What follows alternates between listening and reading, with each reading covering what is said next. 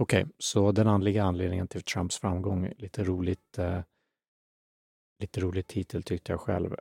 Anledningen, anledningen till att jag skapade den var att eh, Trump ju, ja dels så ska han bli, satsar han på president igen, men jag såg också en, ett kort klipp när han blev intervjuad och pratade om hur han lägger upp sina tal som han håller. Jag visste inte om det här, det kanske är allmän kännedom, men jag visste inte om det i alla fall. Nämligen att han eh, inte använder teleprompter eller eh, manus när han håller tal. Vi ska lyssna på honom vad han säger här. You just go out with no notes. I mean, do you do you know? I mean, do you just make up stuff? I mean, just like how do you remember stats? You know, I, I just, you know, I'm blessed with a great memory, but it's very interesting. When I speak, when I speak in front of large crowds, if you are reading a speech, it's much easier, Yeah. but you don't get the reaction. We would not have 20,000 people in Dallas, as an example. That you was don't get, you don't get the reaction. A lot of people watch it was live. The, you know, when I did Alabama, Yeah. and it was. Så han säger, du får inte reaktionen, är det han han säger. Du får inte reaktionen när du använder teleprompter eller manus och från, från eh, the audience, från de som kollar, publiken. Du får inte den reaktionen som du vill ha, som han är ute efter. Alltså att den, han säger inte exakt vad det här menar, men ja, vi lyssnar lite till. was really an am- it was like a love fest.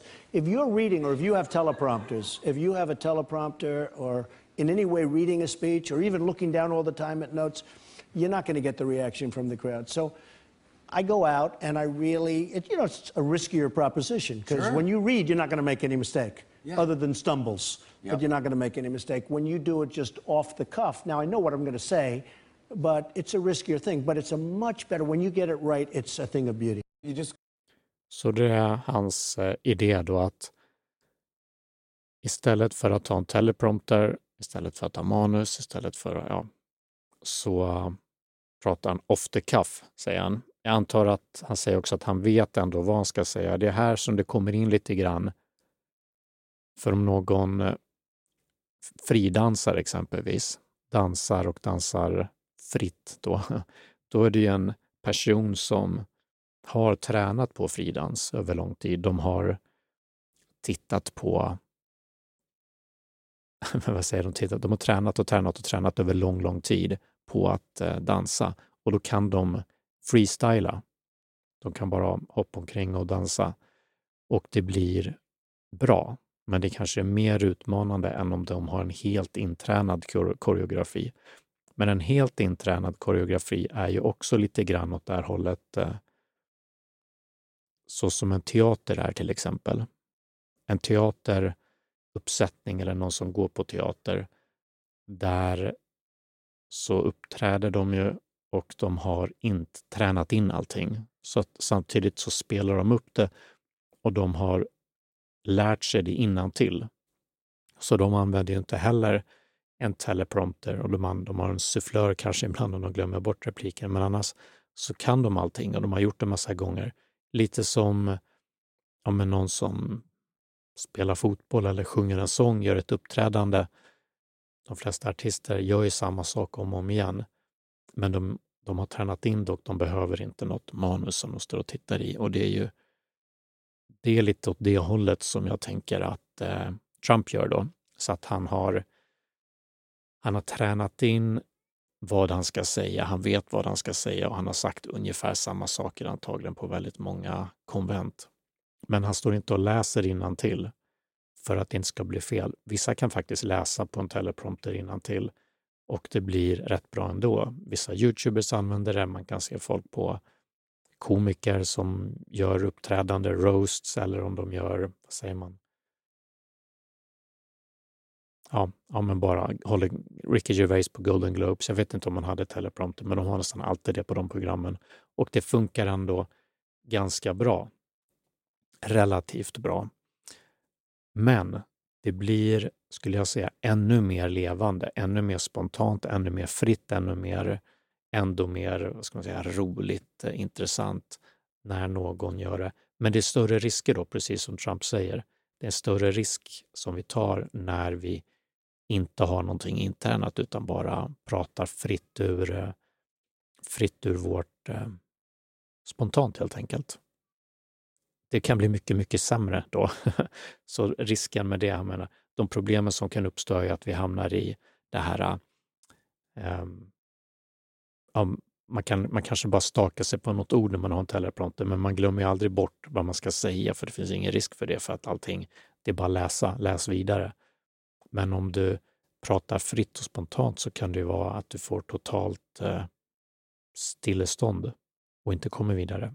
Ja, okay. Jag tyckte det var intressant i alla fall att han inte använder sig av det och kan prata om reaktioner från publiken som skiljer sig så mycket. Och han nämner inte så mycket vad, men min, min eh, konklusion eller min intuition är att det blir väldigt mycket mer levande helt enkelt.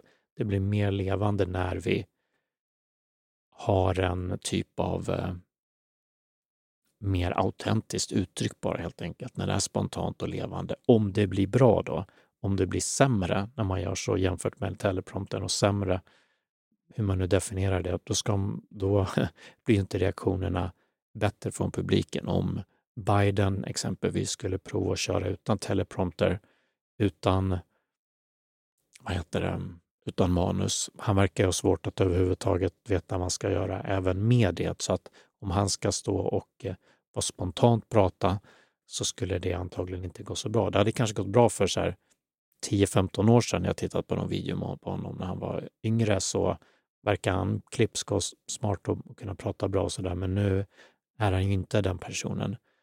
Och eh, ja, vilket fall, Trump är ju bra på det här. Han är eh, bra på att vara, det gör honom intressant. Det gör att folk vill titta på honom. Det gör att alla tv-programmen, eh, olika kanaler visar honom hela tiden. Det är hela den här saken att han är som, ja men nästan som på en teaterföreställning eh, hela tiden, där han är stjärnan. han är hela tiden stjärnan i rummet som gör en show. Det är som en show att titta på honom och en del eller an, en anledning till det såklart, jag menar om vi ska prata om så varför folk röstar på det ena eller andra. De flesta röstar ju bara på samma parti hela tiden, så det är inte det som är anledningen till att folk röstar på honom. Men en anledning till att många gillar honom väldigt mycket, tror jag i alla fall, är att eh, lite extra, är för att han är sådär intressant. Vi ska också höra på vad en som heter Penn Gillette säger. Det, han var med på Celebrity Apprentice som var ett, eh, en show som eh, vad heter det? Trump hade då, där man var en apprentice hos honom och så sparkade han folk och sådär. Och han var väldigt, eh, ja men enligt Penn i alla fall, lika galen där som annars. Och han tyckte det var kul. Han tyckte också att det passar väldigt bra för, det blir väldigt bra tv helt enkelt, för det är underhållande helt enkelt. Det är underhållande att titta på någon som, vad säger man, ja men är autentiskt och filterlös, transparent och bara säger det som kommer för dem och är lite smågalen. Det, det är ganska roligt. Det är nästan som ett barn, för någon är fri på det sättet. Så vi ska höra vad Penn Gillette, han är komiker och eh, illusionist eller vad man ska kalla honom. Okej. Okay. Being capricious, uh, volatile, uh, unpredictable. Nu pratar han alltså om Trump. Så han kallar honom capricious, volatile, unpredictable. Så ska vi höra mer. Um, illogical uh, are all really good qualities. Having no filter is a really good quality. But I don't think it's a good quality som han nämnde det, att ha inga filter, vara volatil och alla de här sakerna är roliga, underhållande, vad säger man, drag hos en person. Och sen, sen säger han då också att, eh, men jag tror inte att det är bra drag för att bli en, en bra president. Då. Ja, så han, även om han då gillade honom och tyckte han var väldigt kul och eh, trivdes med honom på The Apprentice, eh, så tyckte han inte att det var den här äh, att det passade de dragen och det är ju, antar jag, många håller med om. Sen om, om folk tycker att det är stämmer in på Trump är väl en annan sak, men att vara väldigt volatil och eh, ja, men bara kunna fatta massa konstiga beslut så som han gjorde i The Apprentice. är inte så, så bra om, man har, om det är viktiga beslut kring saker. Inte sagt att, eh, att han gör så när det kommer till eh, när han är president, men i alla fall så menar han att han, att han var så under, under tiden på The Apprentice. Men i alla fall, det här går tillbaka till, skulle jag säga, idén om eh, att vara fri, som andlighet handlar mycket om. Att vara fri, vara, vara spontan. Inom hinduismen så finns begreppet, eh, eller tillståndet, eller vad man ska kalla det för, det naturliga tillståndet, tillståndet kallar de det ibland och det kallas för sahaja samadhi. Det ja, spontana tillståndet, att vara fri, att vara filterlös och när vi är det så kan vi vara det på olika sätt. Man kan vara ja, men ett riktigt as och vara filterlös. Och man kan också vara jättesnäll. Men det filterlösa i den, de manliga traditionerna, eller det spontana snarare, kommer ur att jaget har försvunnit. Alltså jaget har ebbat ut, det har nirvanat det och så vidare. Det är ju såklart inte det som hänt ehm, med Trump, tänker jag i alla fall. Han är inte någon som gått igenom en andlig process, men han, man kan ändå se det i olika människors uttryck. Någonting som är underhållande attraktivt. Djur är ju utan ego och fria. Små barn är ganska mycket utan ego och fria. Och vissa människor kan vara utan ego och vara fria, men andra kan också vara, även om de har ego, även om de kanske har väldigt mycket ego, narcissistiska till och med, så kan de vara väldigt underhållande för att de inte bryr sig så mycket om vad andra tycker och tänker. De bara gör det de känner för.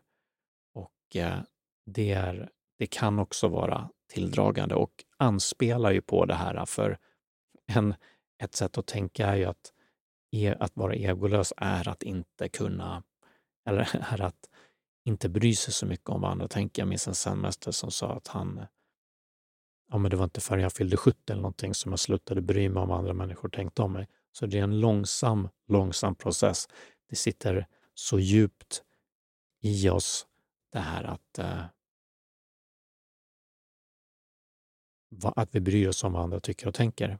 Jag har evolutionära, evolutionspsykologiska förklaringar för att det har varit otroligt viktigt vad andra tycker. Om många tycker illa om oss i vår lilla stam på 30 pers då är det inget bra.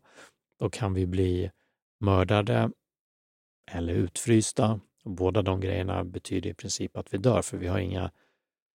Man kan inte bara...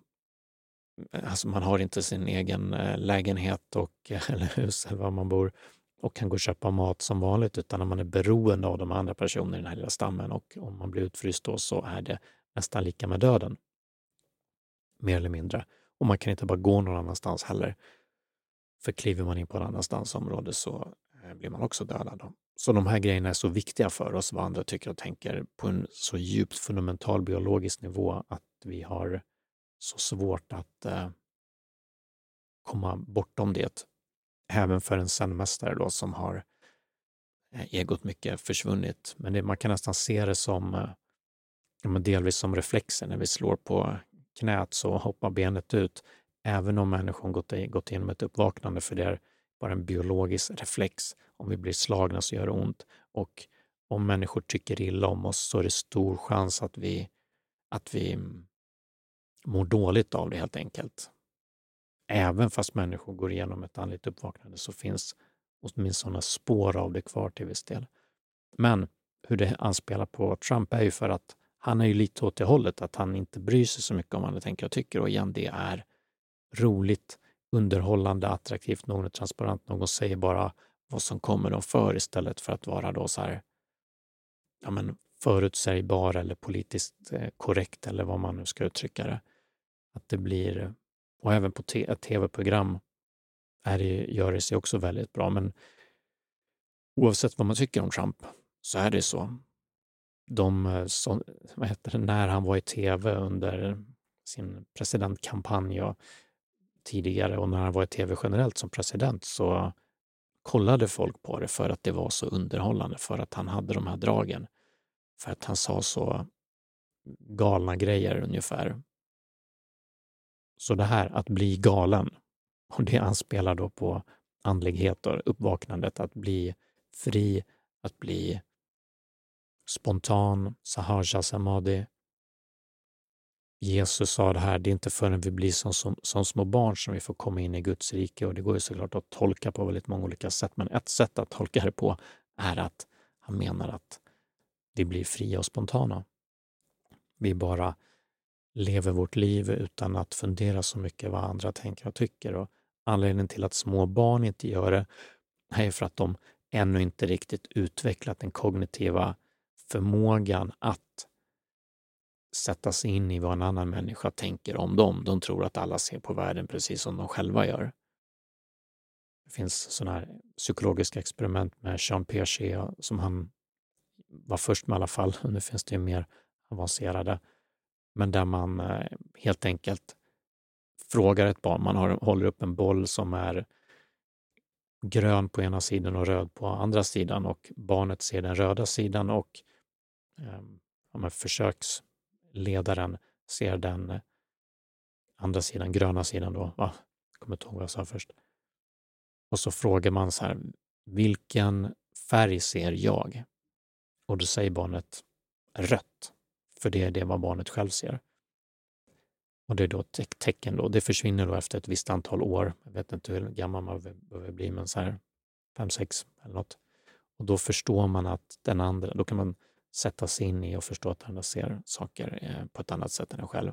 Och då kommer också det här, ja men sen inte minst tonåren när hela ens liv går ut på att eh, vad andra människor tänker och tycker om en.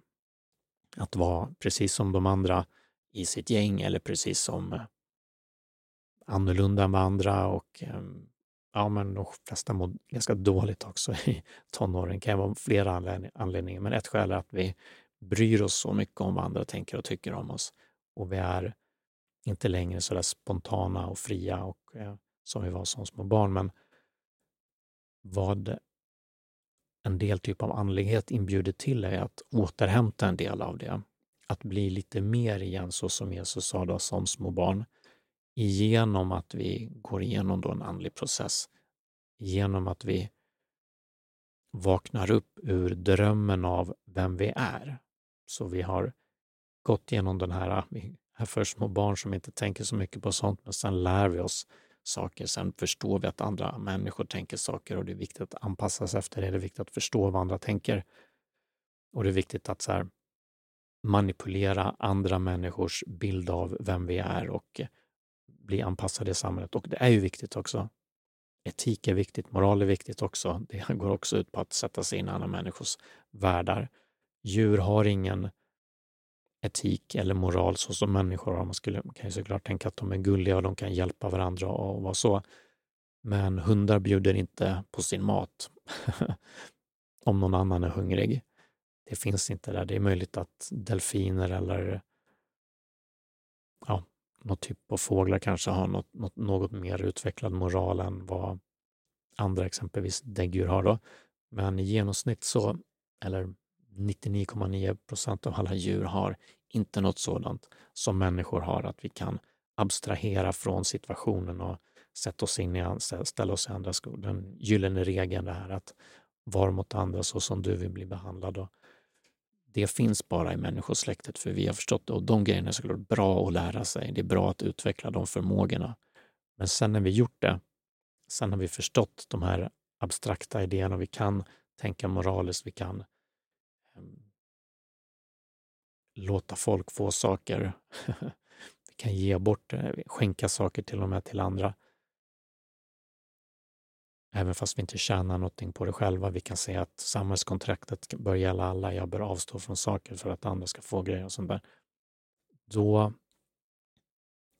kan vi också då gå igenom den andliga processen.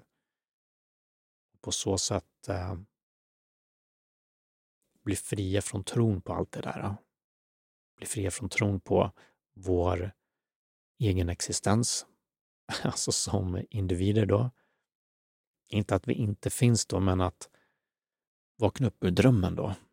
För allt det här kan bli rätt jobbigt. Det är jobbigt att förhålla sig i världen, det är jobbigt att förhålla sig till sin egen identitet, till andras idéer om, vad man tänker, om vem man är. samhället, politik här då med Trump. Det är jobbigt att förhålla sig till alla de här sakerna. Vad vi kan göra är att vi kan ja, men vakna upp från det helt enkelt. Inse vår sanna natur som de säger. Bli på så sätt friare, mer spontana, mer livfulla, mer, mer glada och mer som små barn. Och faktiskt så är det möjligt att vi blir på ett sätt mer som Trump eller mer som andra personer som är mer transparenta.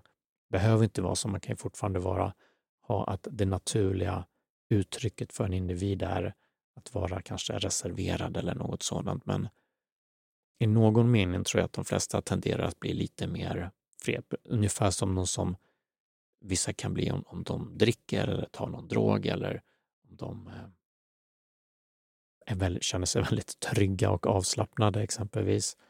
Eller hamnar i något typ av tillstånd där de bara känner sig mer fria. Frigjorda, glada, spontana.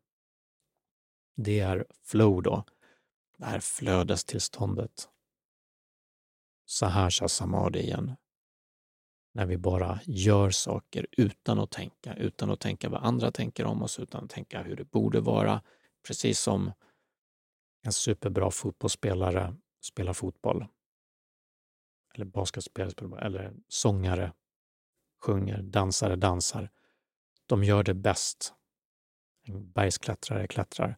De gör det bäst när de inte tänker, när de inte funderar på vad andra tänker om oss, utan när, när det bara är ett, ett inövat, mer eller mindre automatiserat beteende, likt när Trump då antagligen håller sina tal. Han tänker inte heller. Han vet ungefär vad han ska säga, men han säger dem bara så att han gör ett sitt uppträdande där som eh, en eh, Charlize, Charlize Theron, eller vad säger man, när hon inte är i film utan spelar teater.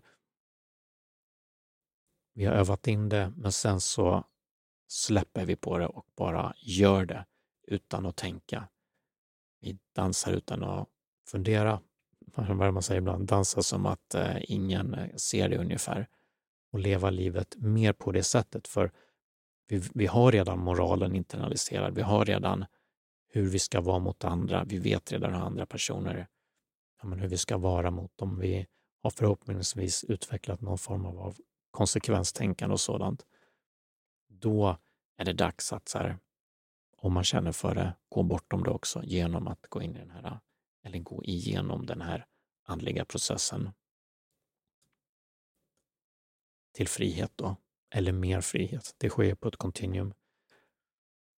Ja, det var det jag hade. Tackar.